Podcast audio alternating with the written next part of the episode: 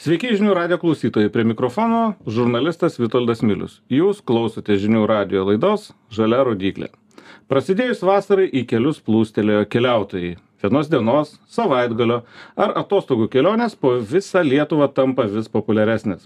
Apie jas šios dienos laidoje kalbėsime su kelionių organizatoriumi ir tinklapio Safari LT įkūrėjų Vaidotu Morozu. Labadiena, Vaidotai. Sveiki tai kalbėjom kažkada prieš gal metus ir sezonas turbūt liepia vėl prisiminti tam tikrus dalykus, nes žmonės tą šaltąjį sezoną, kuris pas mus yra pakankamai ilgas, labai daug svajoja, planuoja.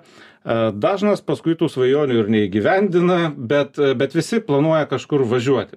Kadangi šiaip istoriškai, bent jau man, tu esi labiau žinomas kaip uh, tokios šiek tiek bekelės specialistas arba bent jau nuvažiavimo į, į gamtą specialistas. E, tai, tai turbūt e, šiandieną ir pakalbėskim apie tas įdomias e, keliones, tebūnėje po Lietuvą, galbūt ne tik po Lietuvą, kur žmonės gali tiesiog leisti savo nuvažiuoti šiek tiek nuo asfalto, paieškoti kažkokių įdomių vietų, kurios, kurio, kurių tikrai yra ir Lietuvoje, ir, ir, ir aplinkui na ir e, šiek tiek galbūt padalinti patarimų e, kokių klaidų nepadaryti, kaip, kaip tinkamai pasiruošti ir e, gerai jaustis važiuojant.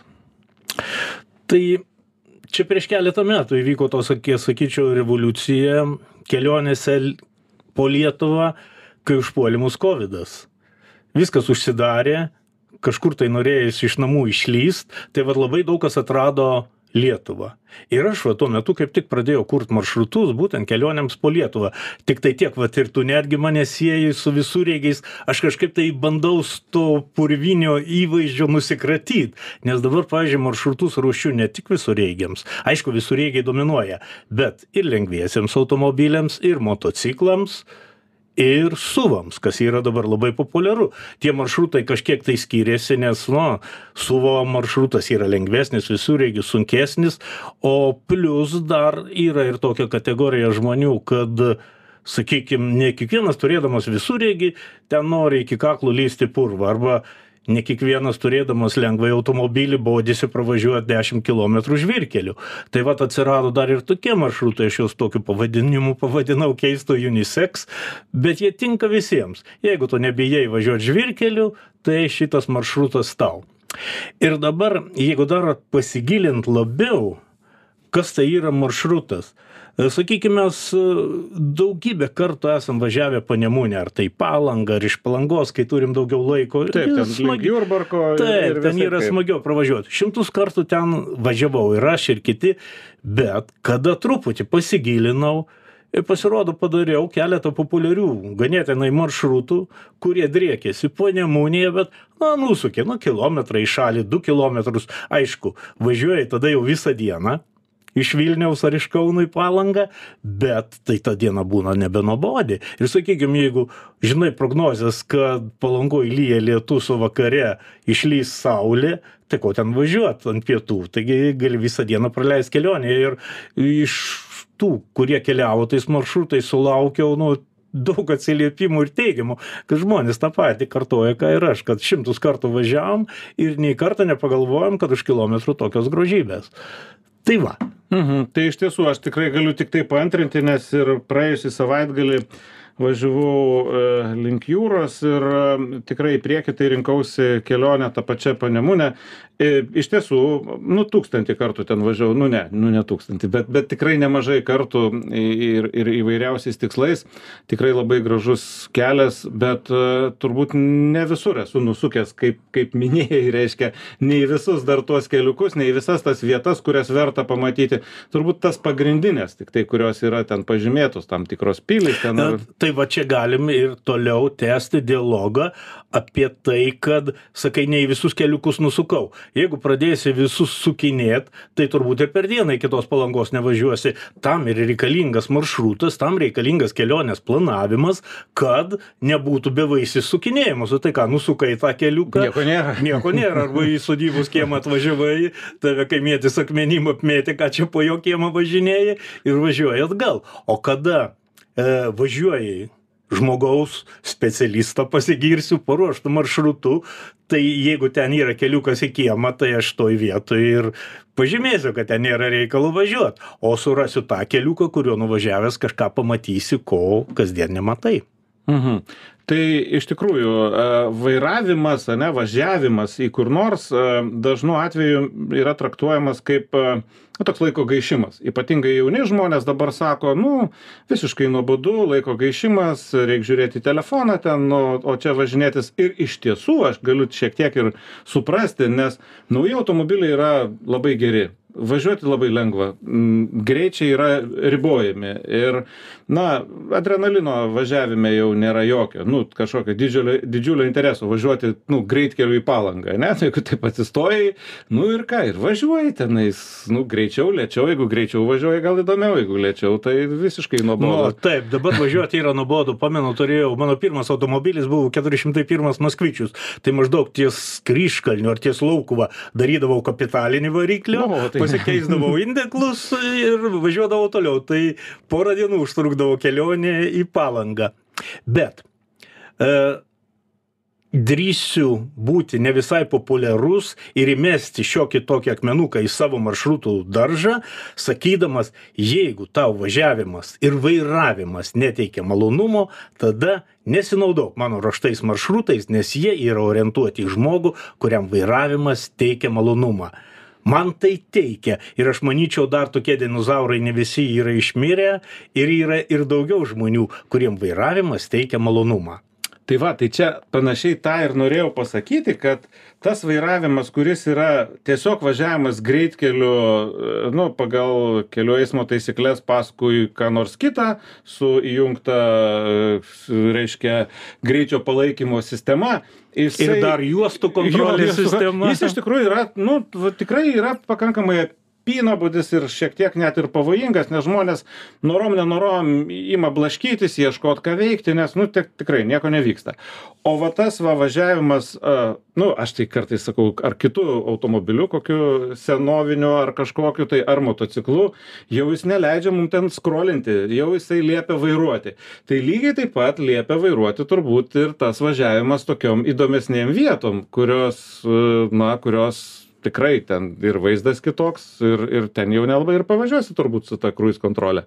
Nelabai pavažiuosi. E, Taip, ir tada atsiranda kažkoks tai netgi darbo momentas. Čia vat, dar vieną prisiminiau dalyką, kad vaikams labai nuobodu sėdėti automobilyje. Jie pro langus nebežiūri, jie žiūri telefoną, tai va čia vėl išbandžiau ant savo kailio, labai galima juos išvilioti, nes jie net ir į tą kelionę, ir jie į palangą nenori važiuoti namuose, normalus kompas, normalus internetas jis tai sėdėtų. Bet kada jam paduodi planšetę ar telefoną, kuriame yra trekas elektroniniam pavydale, jam pasidaro įdomu sekti ten, nuorodas žiūrėti, Nu taip, jis turi darbo, jis turi darbo. Taip, turi Mhm. darbo ir vas, kas susijęs su technologijom, jam jau yra tai įdomu. Mhm. Gerai, tai iš tikrųjų turbūt e, Lietuvoje tie keliai gerėja, nu, nežinau, kai kurie blogėja, turbūt tie asfaltuoti blogėja, bet, bet visumoje tos žvirkelius kai kuriuos irgi jų mažėja, aš taip, taip suprantu. Mažėja, bet aš va dabar praleidau savaitgalį Žemaitijoje, kažkaip tai atrodo daug, būnu provincijoje, bet nustebau, daug tų žvirkelių Dar yra, ne, dar, dar, dar neišasfaltavo viską. Dar ne, ir matyt, kad kažkaip tai tos tendencijos pristojo. Čia buvo užsimoję, bet kažkaip tai... Nu, tai jo, pristojo. tai čia, čia tie kelių, kelių, kelių tema yra tokia visiškai be, be jokios pabaigos ir, ir, ir čia tikrai Lietuva turbūt nėra dabar pačioj geriausioj padėtį, sakykime, kelių atžvilgių, tikrai turim Bet čia ne mūsų sritis. Jo, bet čia mes, mes galim ir nusukti nuo to kelio ir nieko tokio. Tai gerai, tam, kad e, dėl maršrutų, kaip ir aišku, nu, nežinau, ar, ar aišku, bet man tai tikrai aišku, kad e, šiaip blaškytis kažkur nežinant, kur važiuoji, nėra nei prasmės, nei turbūt labai malonumo, nei, nei dar kažko. Dabar patys uh, kiti tie pasiruošimai, kad, uh, na, žmogui, kuris nori važiuoti, vadinkime, į gamtą. Ne, nu tiesiog gamta yra, žmonės vis tiek traukia, kokie jie čia nebūtų technokratai, vis tiek e, gamta yra gamta. Uh, ko, ko čia reiktų nebijoti, sakykime, ne, ko, ko reiktų nebijoti, kaip reiktų gal pasiruošti šiek tiek, kad, e, nežinau, oras irgi visoks gali būti, dabar mes stebim gražų, šiltą, saulėtą orą, o gali, nežinau, kitą savaitę palyti. Gali būti, gali palyt, bet žiūrėjau prognozijas nepalys, bet ir to. Um, ruoštis kelioniai vis tik tai kažkokių tai minimalių žinių reikia. Ir turbūt nedaug kas šiais laikais bežino. Pavyzdžiui, man po ranka automobilyje pas mane visada yra manometras. Ar čia lietuviškas žodis? Turbūt, turbūt. Visiems Nu, suprantamas. taip, manometras, Todėl, kad aš slėgio matavimo Jo. prietaisas. važiuojant į Palangą, nu, Lietuvoje tradiciškai didžiausia kelionė, tai turbūt važiuoti prie jūros. Tai žiūrint, kaip važiuoju, jeigu aš važiuoju autostrada, aš pasimatuoju, koks slėgis. E, Sakykime, savo visureigėje pripučiu kokias 2,5 atmosferos, bet jeigu aš važiuoju kažkokiais aplinkiniais keliukais, žvirkeliais, aš išleidžiu oro iki 1,8.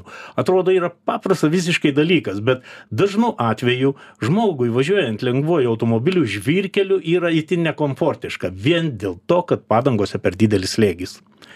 E, Nežinau, dabar nėra sunku, gi pasimatavai degaliniai galų gale pilantis kūrą, pasižiūrėjai, nuleisk, nu ten kokį 20 procentų slėgį sumažink padangoje. Negaliu sakyti konkretaus skaičiaus, nes Nu, e, skirtingi automobiliai. Bet 20 procentų sumažinus, visiškai kitas automobilis pasidaro.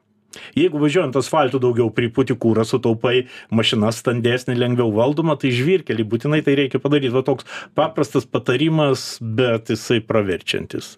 Toliau vėl. Dabar yra ganėtinai populiarus toks Facebook'e, be ne dvi grupės yra 4x4 sos.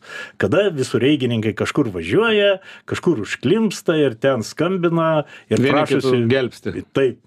Aš jį vadinu gėdos telefonu, nes jeigu tu skambini, atvažiuokit padėt, aš va viskas ieškojau galimybių ribų, staiga užstrigau ir atvažiuokit mane ištraukti virvis neturiu, domkrato neturiu, nieko neturiu, atvažiuokit mane gelbėt. Nu tai ką apie tave sako, reiškia, tu išvažiavai visiškai nepasiruošęs. Jeigu jau tu tos virvės neturi ir neturi pinigų jai nusipirkti, nu tai važiuokit dviese, kažkaip tai vienas kitą pastumsit ar ką. Tai vad, važiuojant nuo asfalto, nuo truputį reikėtų pagalvoti ir pasižiūrėti. Nu jeigu manai, kad ten gal pravažiuosi, gal nepravažiuosi, nu turbūt nederėtų ieškoti galimybių ribų, kada esi vienas ar telefonas išsikrovęs, nes tos ribos labai greit ateina.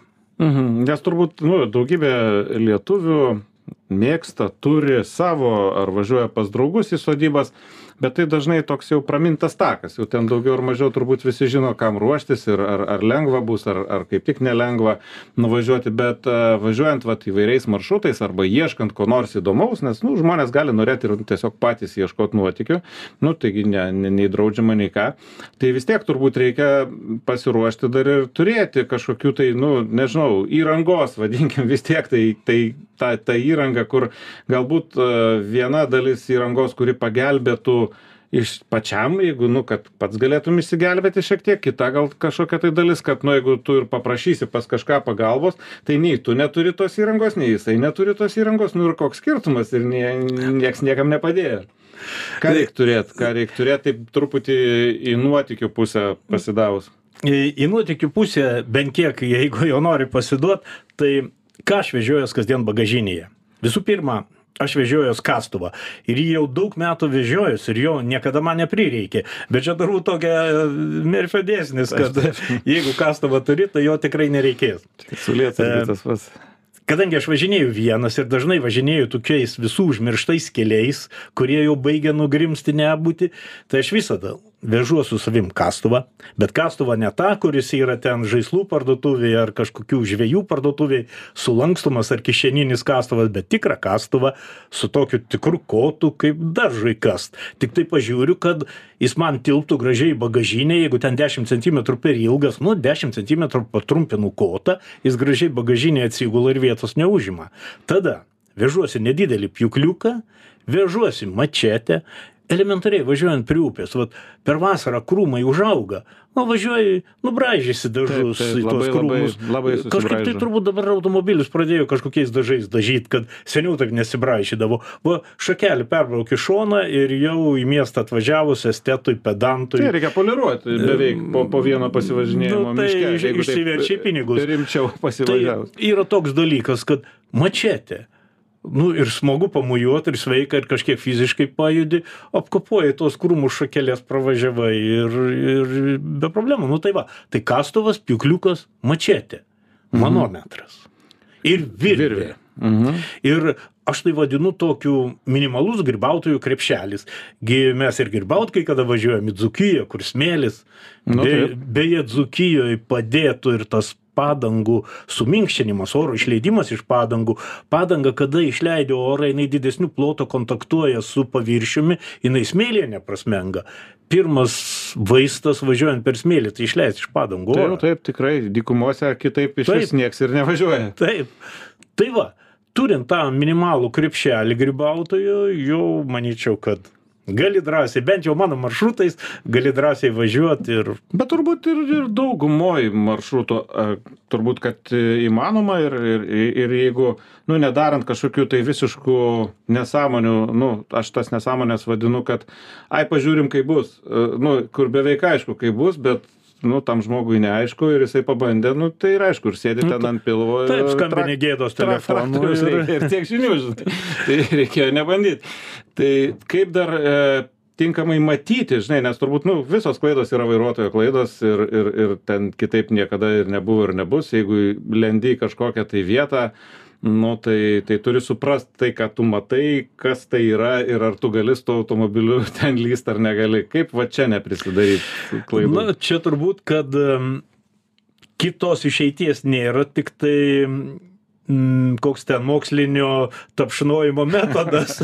Ta, ta tai, daryti savo klaidas. Ne? Taip, bet tam žmonės ir būrėsi į vairius klubus, į grupės, ir smagiau keliese keliaut. Tai jeigu atsirado vienam bėda, kitas padėjo ir tai išvengi.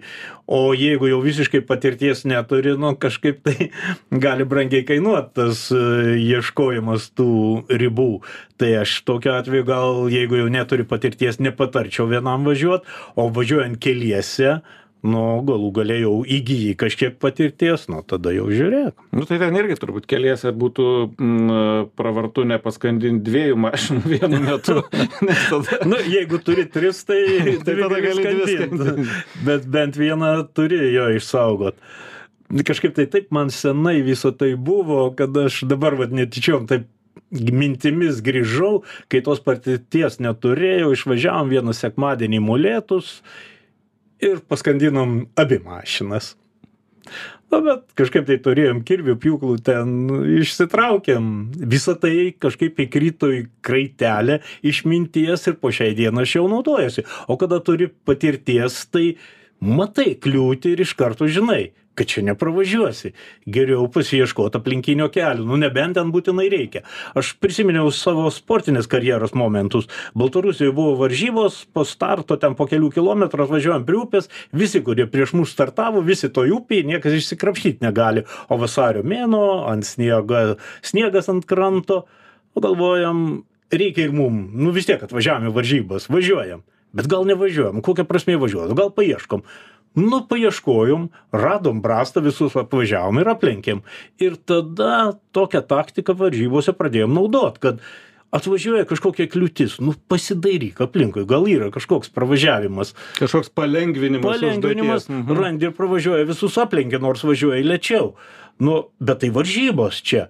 Bet gyvenime nu nežinau koks ten reikalas gali būt per tą gilią balą būtinai važiuot į kitą krantą nu taip, nu Lietuvoje čia turbūt irgi tų brastų tokių, aš beje irgi turėjau visokių pasikalbėjimų su gamtos sargais apie, apie važiavimą įvairiomis brastomis, kas, kas čia galima, kas negalima. Žmonės irgi turbūt nebūtinai žino viską, nes Apie brastas čia... galim pakalbėti. Mm. Aš irgi kalbėjau ir su gamtosauga buvau pakviestas, bet kažkaip tai sugebėjau paaiškinti ir kai aš po to nusiunčiau jiems laišką, kuriame daviau koordinates tų brastų, kurios yra mano maršrutė ir pa, maršrutuose ir paklausiau, ar per jas galima važiuoti, nes ten, ten vyksta eismas. Nu, kelias, nu, žmonės nu, važinėja. Namo tai važiuoja žmonės. Kiek su, išsiaiškinau tokį dalyką, kad Lietuvoje draudžiama važinėti vandens telkinių dugnu.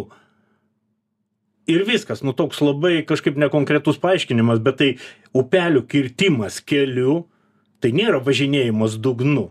Tai nu, yra pervažiavimas. Mm. Tai va taip, tai matyti yra nesukonkretinta, bet čia kas iki palėtėm brastas, tai man dabar šovė, dar nešovė, mintis šovė anksčiau, bet dabar prisiminiau.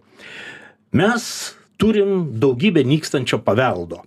dvarai griūva ten tiltai bet niekas nekalba apie tai kad pas mus masiškai nyksta senieji keliai pas mus masiškai nyksta brastos. Aš dar puikiai atsimenu kai su seneliu važiuodavom į panevėžį obuolių parduot į turgų. Išvažiuodavom iš vakaro pas gimines pernakvodavom o ryte jau būdavom panevėžy ten trisdešim kilometrų nuo moliūnų iki turgaus ir mes važiuodavom per brastą. O kas dabar per brastas važinėja? Ir e, turi tokį tikslą padaryt turbūt per kitą žiemą radęs laiko lietuvos brastų žemėlapį nes iš tų šimtų brastų kurios buvo viena kita belikusi veikianti. E, nu prarandam gabalėlį savo identiteto. Keliai buvo sodyba vedė kelias į sodybą sodyba nunyko e, rapsą užsodino kelias krūmais užaugo kelio nebeliko. Dingsta iš mūsų landšaftų tie vingiuoti keliukai dingsta tos pačios brastos. Mhm. Jo, jos iš tikrųjų suteikia tokio, e, nu bent jau man ir tokio važiaviminio e, žavesio, tokio vairuotojiško, tokio truputį adrenalino, nu visko, viskas yra iš tikrųjų. Man brasta tai labai patinka. Tai, kad man ir, ir tau patinka, tai turbūt, nu viskas aišku, bet žmonėm, kurie pirmą kartą važiuoja per brastą, tai turbūt dar daugiau visokios emocijos. Duoda. Žinot, kaip čia yra. Sakykim, tos kelionės po Lietuvą, nu jos tokios yra pritemptos. Nei čia tų kažkokių vilkų esą daug yra. Nu, mačiau per savo kelionių stažą nuo vaikystės vieną kartą vilkų būri keturis vilkus. Meškos niekada nemačiau. Nu, nėra čia tų realių tokių pavojų. Nebūtina čia mokėti trinant pagaliukus ugnį kurt. Nereikia čia per tas brastas važiuoti, kur nėra tiltų. Nu, bet jeigu jau mes tas keliones darom jos tokios truputį teatralizuotos tai ta brasta nu gi papuošia tą kelionę. Visiškai visiškai papuošia nes aš kartais pažiūriu e, tavo puslapyje fotografijas tai vat būtent iš tokių vietų tos ar fotografijos ar video jos jos gražiausios jos įdomiausios jas įdomu žiūrėti. Įdomu žiūrėt.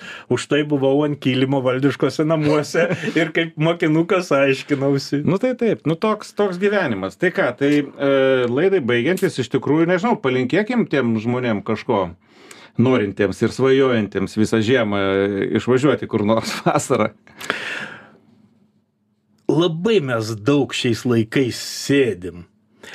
Ir netgi keliaudami į palangą irgi sėdim. Tai gal pakeliaukim tokiais maršrutais, kur kartais reikia išlipti su mačete padirbėti, kartais su kastuvu truputį pakast, o kartais ir per tą brastą pravažiuot. O moto dulkis nusiplauna, prisiminimai lieka. Mhm. Nu tai to ir linkime. Tai ačiū Vaidotai. Iki. Šiandien mūsų laidoje svečiavosi keliautojas ir tinklapio Safari LT įkūrėjas Vaidotas Morozas. Laidą vedžiau aš, žurnalistas Vitoldas Milius. Būkite sveiki ir vairuokite saugiai.